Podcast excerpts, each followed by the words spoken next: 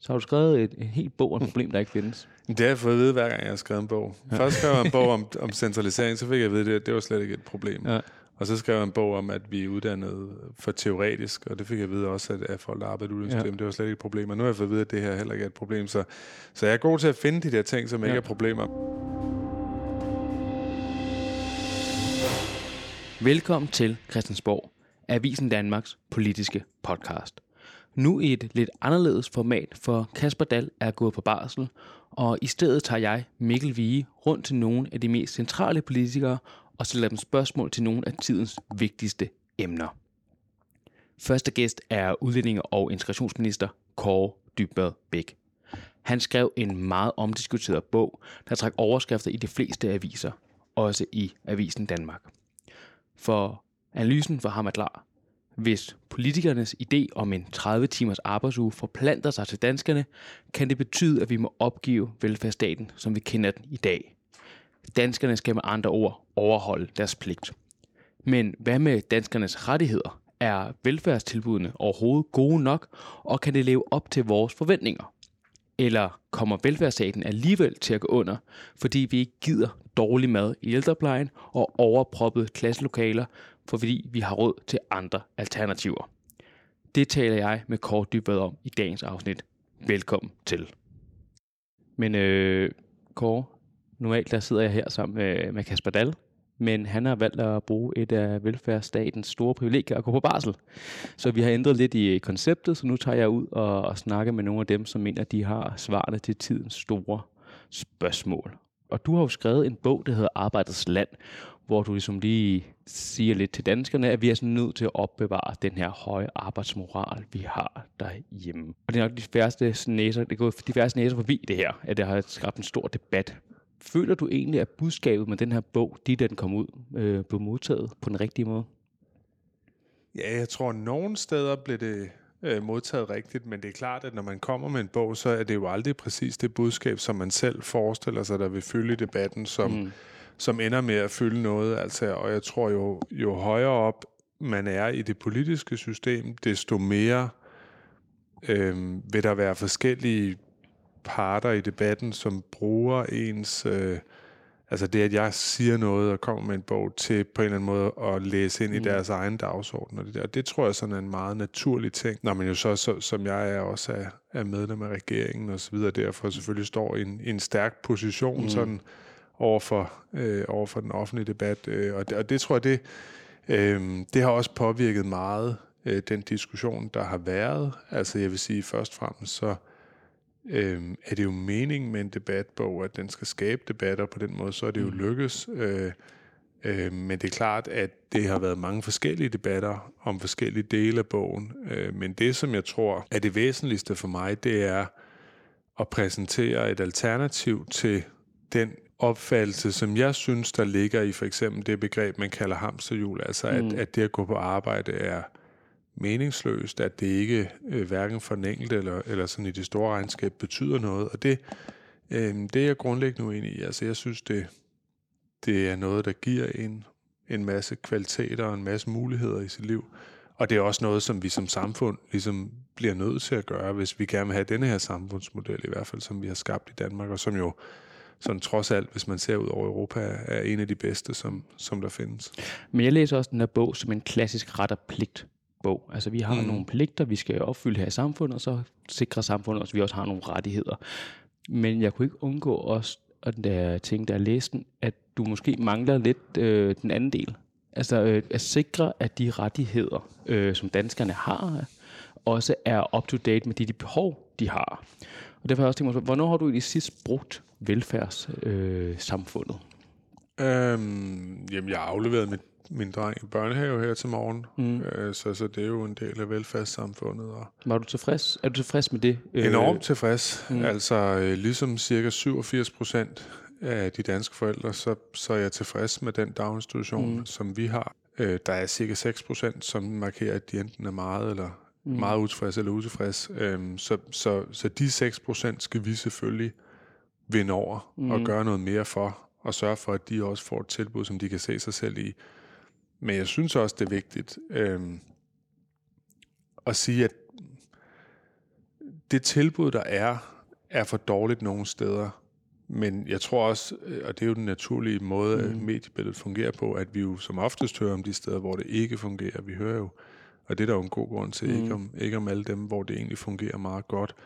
Og det skal vi jo prøve at se på. Noget af det, som jeg selv har tænkt over i hvert fald, som, og det er jo sådan dit indledende spørgsmål, som en, der bruger velfærdssamfundet også, jamen det er jo det her med, øh, hvor meget der øh, bliver bestemt over og reguleret. Altså, det er noget, hvor jeg kan se en tydelig forskel. Altså, jeg har et barn på en øh, skole, mm. en kommunal skole, øh, og jeg har et barn i en øh, daginstitution, der er kommunalt finansieret, og som er åben for alle, men som er sådan en gammel øh, selvejende øh, institution.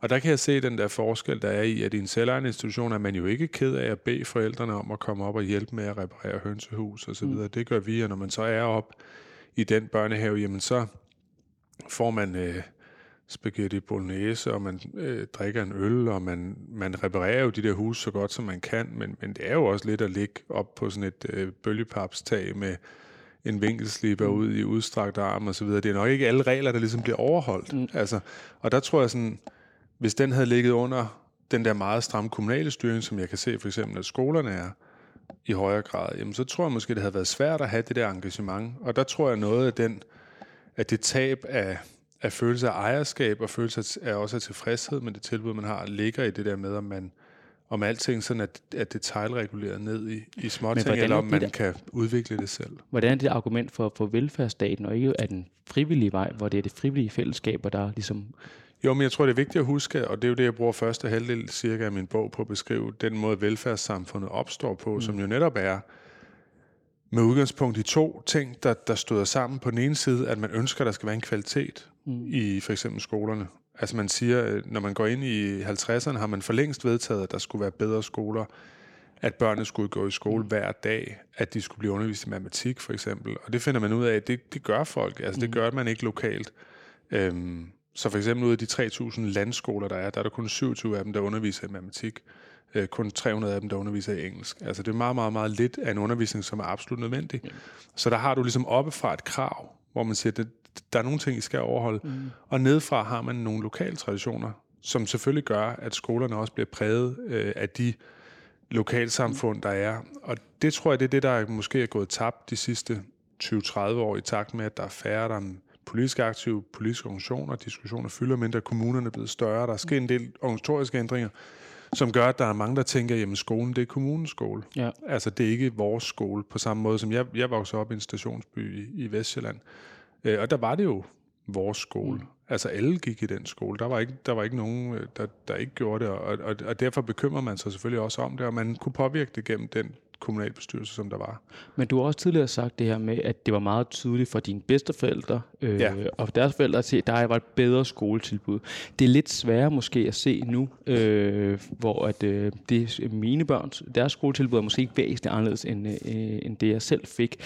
Er det ikke et, et, et problem, at man ikke kan se en måske en så tydelig udvikling i velfærdstilbuddet? Jo, det er det. Uh, det, det er det er, og det er noget, vi, vi skal løse, men jeg er også kommet til den erkendelse, tror jeg, at, at det kan ikke kun handle om fysiske forandringer, fordi mange af de fysiske ting, man kan forbedre, er forbedret. Mm. Altså, vi fik idrætshaller i, for os, der var født i 80'erne. Vi fik øh, flotte øh, fysiklokaler og øh, faciliteter rundt om det. Men der er jo en grænse for, hvor meget af det, man skal bruge. Altså, jeg tror, kunststofbanen er det eneste, der sådan er kommet til mm. for alvor siden dengang. Men det, det handler om, tror jeg nu, det er både det, som vi er blevet bedre til. Altså, langt færre børn bliver mobbet i skolerne, end det var for, for nogle årtier siden. Øhm, der er et større fokus også på faglighed, som jeg synes er vigtigt. Altså, at, at folk skal ikke gå ud af skolen uden at lære at læse. Altså, det, mm. det, det bliver vi også nødt til at holde fast i. Men jeg tror, det næste skridt, det er at bringe større ejerskab øh, tilbage. Og der kan man selvfølgelig sige, hvis man er meget liberal, så vil man sige, jamen så handler det jo om bare at lade skolen øh, glide ud, og mm. så må de folkeskoler, der kan overleve, gøre det, og så må folk skrive sig op på privatskoler osv. Men jeg synes, det er vigtigt også, at man har i vores velfærdssamfund en, en stedforankret dimension. Altså det, at hvis man vokser op i bagsvær, mm. øh, så går man øh, i skole sammen med dem, der er i kvarteret. Man spiller måske fodbold sammen med folk, og det giver nogle kvaliteter, som er noget andet end det, som, som det rene markedssamfund giver. Men altså hvis du forestiller dig, at du som barn opvokset i Bagsvær, så skulle du så vælge mellem otte forskellige skoletilbud, der havde forskellige profiler. Jamen, det ville jo være sådan den rene markedsgørelse af skolen. Mm. Og, og, og hvis man gør det, så mister man det, som er det stedbundne, som jeg også synes er enormt vigtigt.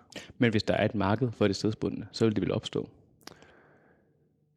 Øhm, jamen, det har du ret i, men, men jeg kan bare ikke se, at de steder, hvor man har gjort det, at det er blevet bedre. Altså i Sverige for eksempel har man et enormt fritvalgsorienteret system på skoler, for eksempel, så man siger, øh, hvis du nu bor i Gladsaxe, øh, så sætter Gladsaxe kommunalbestyrelse et beløb, som du får for, per forældre, mm. til at gå i skole for. Og så kan du gå rundt og købe skoleydelse der, hvor du vil. Du kan også tage til Herlev Kommune og sige, hvis Herlev kommunalbestyrelse har fastsat et lavere beløb, så kan du sige til skolen i Herlev, jeg vil gerne have mit barn her.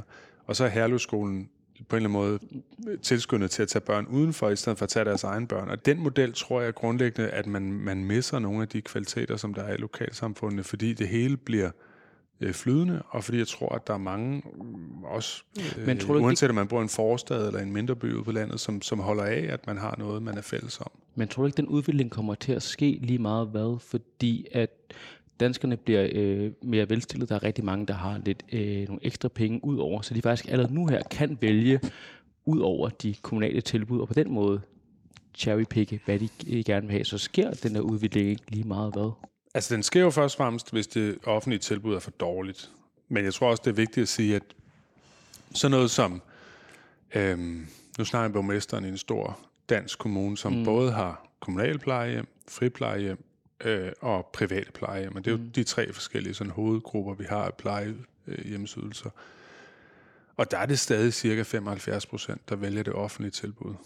Altså selvom man har, i store kommuner har man jo typisk helt frit valg. Hvis man kommer ned til Dragør eller Stævns eller mindre mm. kommuner, så kan det være, at der måske kun er én type pleje. Men, men der, hvor, hvor du har reelt muligheder, er der, er der ikke et flertal, der vælger de private ydelser. Og det er jo det, man også på en eller anden måde må måle det på så er det rigtigt nok, at særligt på skoleområdet er der sket en forskydning hen over de sidste, lad os sige, 15 år, hvor der er flere, der går mm. i private skoler.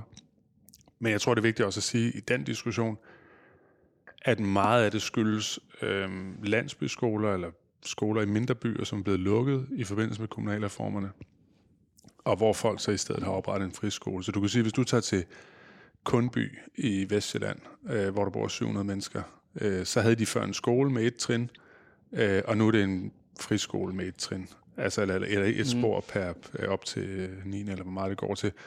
Det, det er jo ikke, der er jo ikke noget funktionelt forandret. Vi har jo ikke fået et mere segregeret samfund eller opdelt samfund af, at, at den skole er blevet en friskole, i stedet for at være en, en folkeskole. Men de er selvfølgelig statistikken overgået til noget andet. Men det, det er jeg også bare nysgerrig på, det er jo, fordi for eksempel øh, Lars Lykke fik mange hug, øh, da han i sommer startede lidt debatten omkring, at man måske i fremtiden selv skulle finansiere nogle, nogle ældreydelser. Men det var jo med udgangspunkt i at sige, at han og nogle del andre også kommer til at have nogle pensionsordninger, der gør, at man ikke accepterer det offentlige tilbud.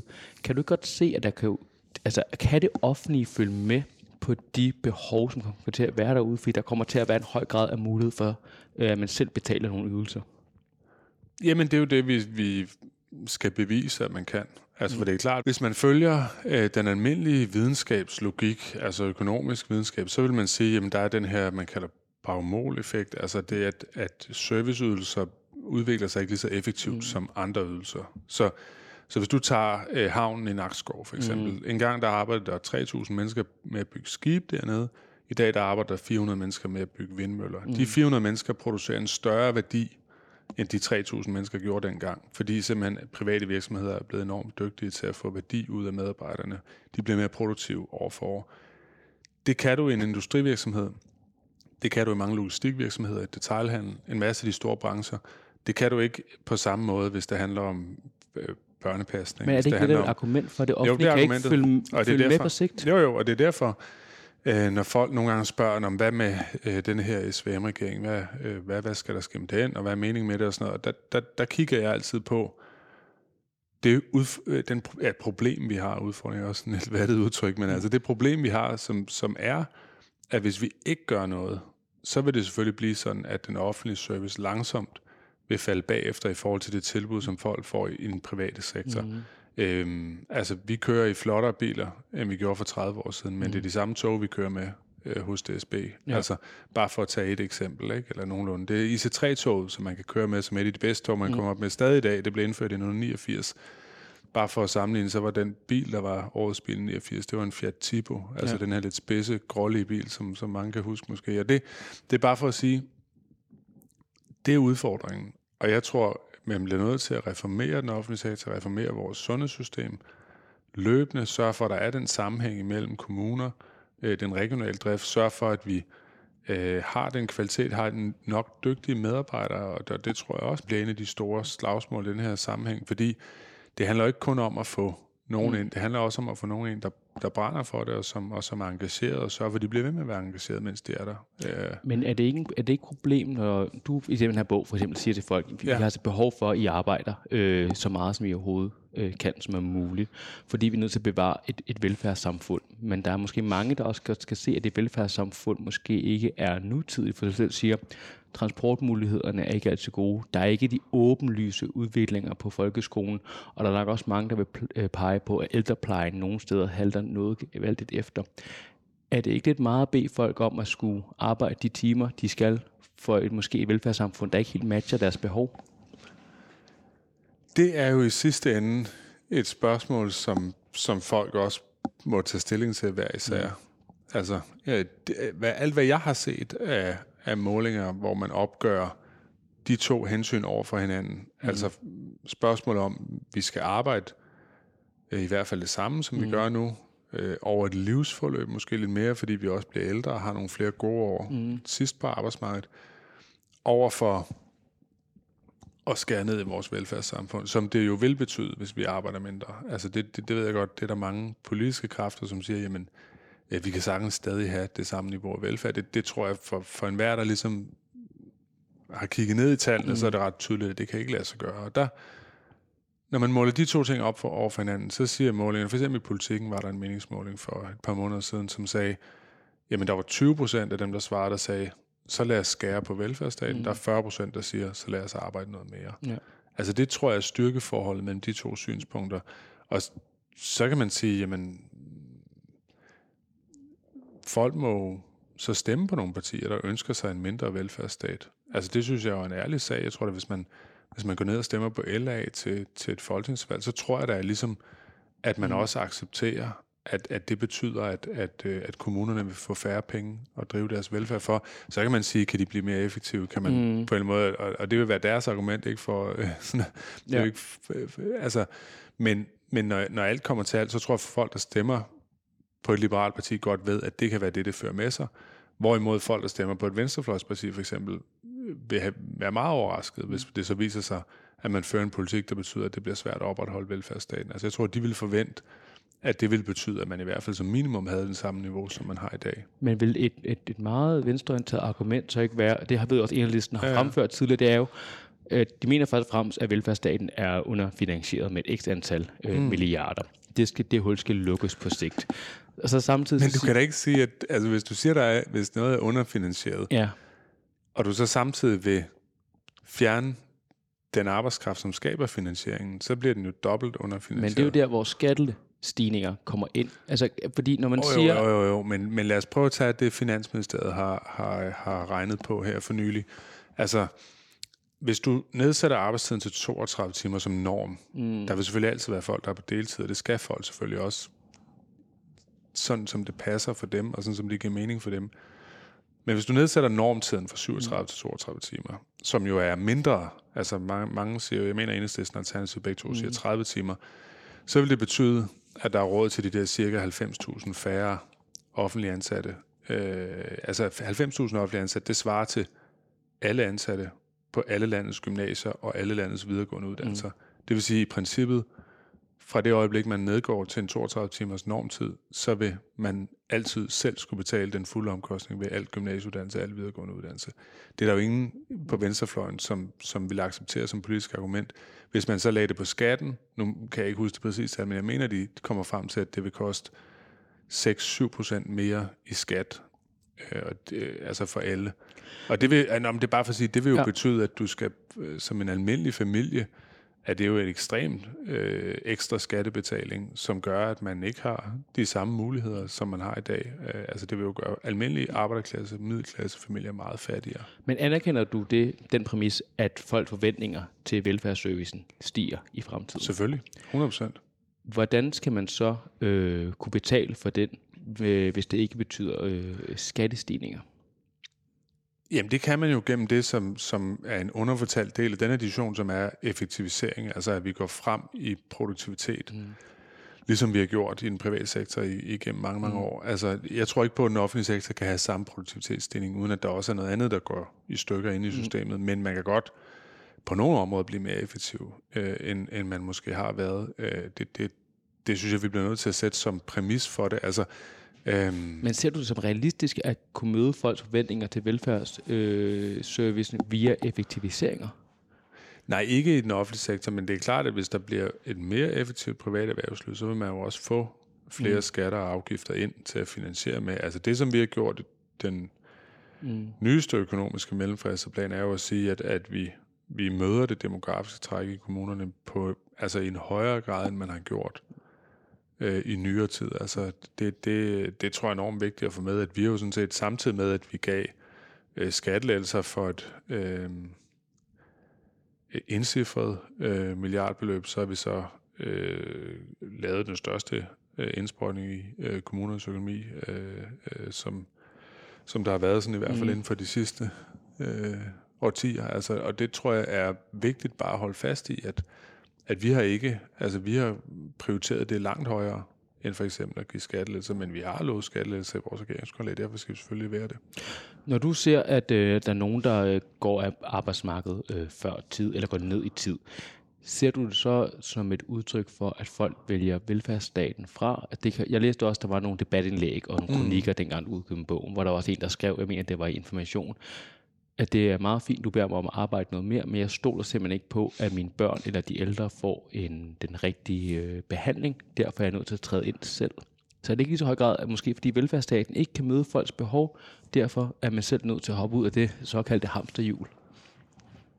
Jo, men jeg anerkender fuldstændig, at der er nogen, der kan, øh, der kan komme til den konklusion på baggrund af de erfaringer, de har. Øh, og det er jo den enkeltes frivalg, heldigvis. Øhm, det, som jeg og flere andre jo også, nu så jeg Nina Schmidt var ude også og, og markere i forhold til det, altså at det er bare at sige, at, at hvis det er normen i et samfund, mm. så bliver det et andet samfund, end det vi har i dag. Altså så, så bliver det et samfund, som mere minder om de sydeuropæiske, mm. øh, hvor der er en langt ringere velfærdsstat, hvor der er langt flere kvinder, der går derhjemme, Øh, fordi det bliver som regel kvinderne, der tager, der tager fri fra arbejde, hvad jeg mener også er et kæmpe tilbageslag for vores ligestilling. Ja.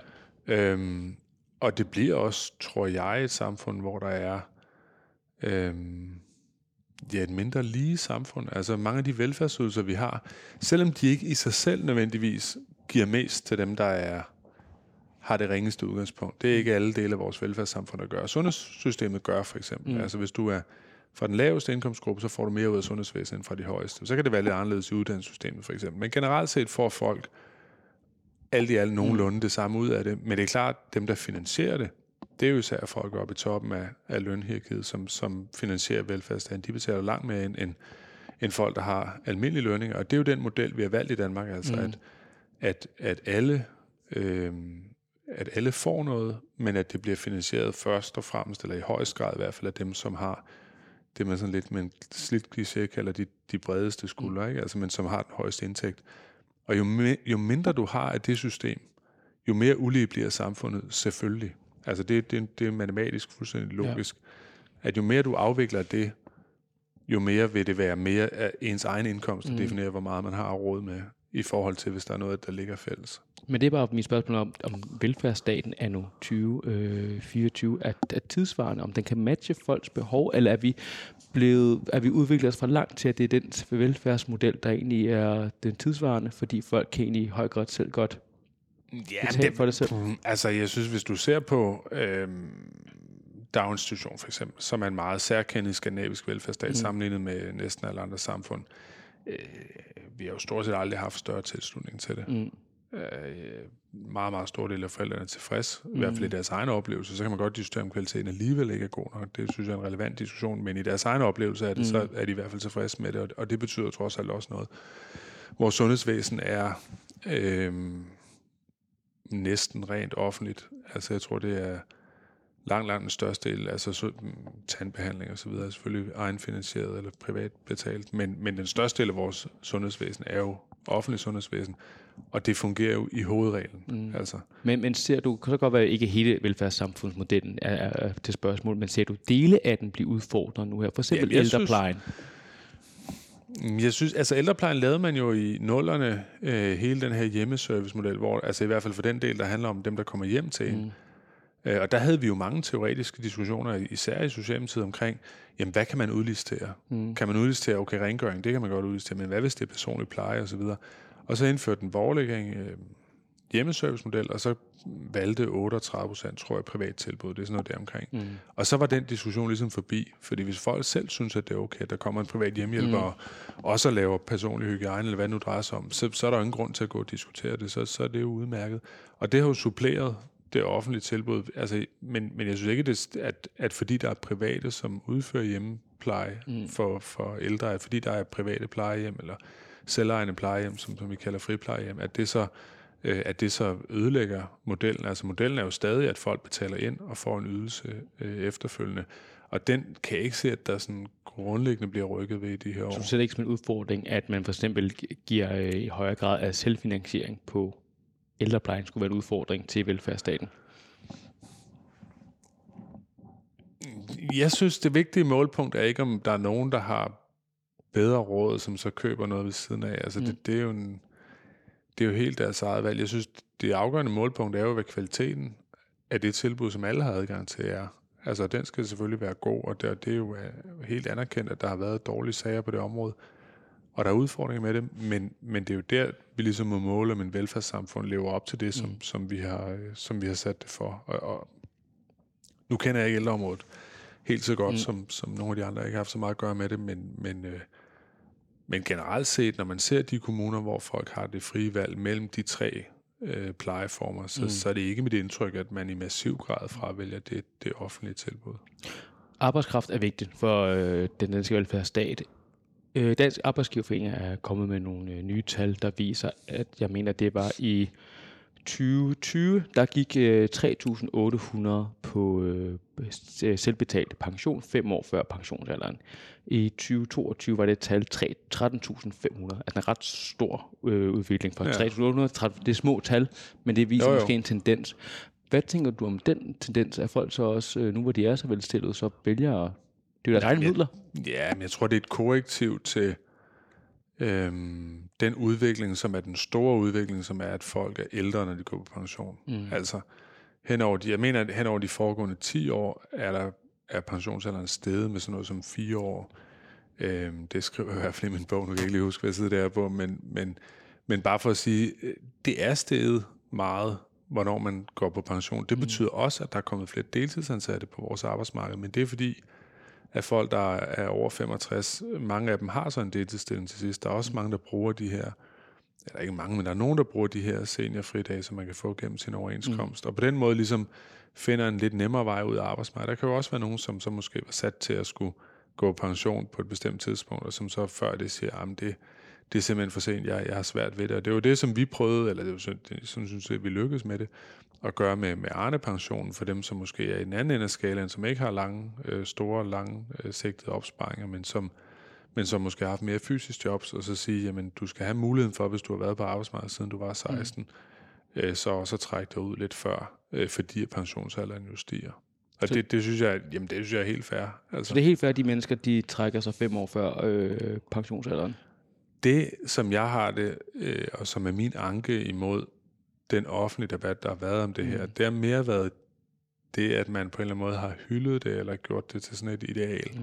Og det kan, det kan jeg godt synes er ærgerligt, altså. Mm. Øh, og, så, og så er det jo det andet, som handler om, jamen, hvad er det for noget, ved, altså, hvad er det for noget lovgivning, vi vedtager på mm. Christiansborg? Mm. Altså, der, der synes jeg jo, det virkelig bliver et spørgsmål for politikere, fordi nu har vi så vedtaget skattelægelser, og nogle er også sure over det, og så mm. videre, øh, men det er jo skattelettelser også til folk, der har lav indkomst. Altså, mm. Altså det er, jo, det er jo først og fremmest på beskæftigelsesfradraget, at man får en stor ændring. Øhm, hvorimod man også kunne have brugt pengene på at sige, jamen du kan få et større fradrag, hvis du øh, holder mere fri, eller du kan få tilskud til hjemmepasning, hvis du øh, hopper ud af ja. arbejdsmarkedet osv. Og der er der jo hele tiden en politisk prioritering, hvor jeg synes, det er vigtigt, at vi øh, økonomisk ligesom giver incitament til, at man, at man øh, til dem, der, der måske har lyst til at prøve at være på deltid nogle år mere, inden de går på pension. Det synes jeg, man skal, man skal også have en gevinst ud af. Et uh, flabet spørgsmål her til sidst. Ja. Har du egentlig skrevet en bog om et problem, der ikke findes? Fordi du bruger utrolig lang tid på at øh, oh, ja. redegøre for, at arbejdstiden går ikke ned. Vi arbejder rigtig hårdt, ja. og når vi så får tilbud mellem fridage og, og løn, så vælger vi løn. Så har du skrevet et, en helt bog om et problem, der ikke findes. Det har jeg fået at vide, hver gang jeg har skrevet en bog. Først skrev jeg en bog om, om centralisering, så fik jeg at vide, at det, var slet ikke et problem. Ja. Og så skrev jeg en bog om, at vi er uddannet for teoretisk, og det fik jeg at vide også, at, at folk, der arbejder i ja. det var slet ikke et problem. Og nu har jeg fået at vide, at det her heller ikke er et problem. Så, så jeg er god til at finde de der ting, som ja. ikke er problemer, men grundlæggende mener jeg, det som jeg advarer imod, det er, at det her er på vej ind på Christiansborg. Altså det er mm. det, jeg synes, der er det centrale. Hvad folk har lyst til at gøre rundt om i landet, hvordan de indretter sig. De skal gøre lige, som de har lyst til. Men der, hvor det bliver farligt for en politisk sammenhæng, mm. altså for, for, og jeg er jo politiker, øh, det er, når vi begynder på Christiansborg at, at vedtage incitamenter til, at det skal være nemmere at, og hvad hedder det, øh, at arbejde meget mindre. Fordi så tror jeg, vi får et problem. Men, men hvad folk gør derude, mm. og, og, og der stoler jeg 100% på den arbejdsmoral, som danskerne har. Mm. Men det er klart, at hvis man igennem 10 eller 15 år fører en politik, som siger, at, at, at nu skal det premieres, øh, at man går derhjemme med sine børn meget længere, eller at man er meget mere på deltid, jamen så er det klart, så vil folk også begynde at gøre det på et tidspunkt. Så det er en løftet pegefinger til dine kollegaer mere end det til danskerne? Ja, det er i hvert fald ikke en løftet pegefinger til danskerne, selvom jeg ved godt, der er mange, der, der vil gerne vil udlægge det på den måde, ja. men, men jeg synes, folk skal gøre, som de har lyst til. Jeg tror bare, der hvor det er vigtigt, det er, når det kommer ned i folketingssalen. Tak fordi du gad være med, Kåre. Jamen selv tak.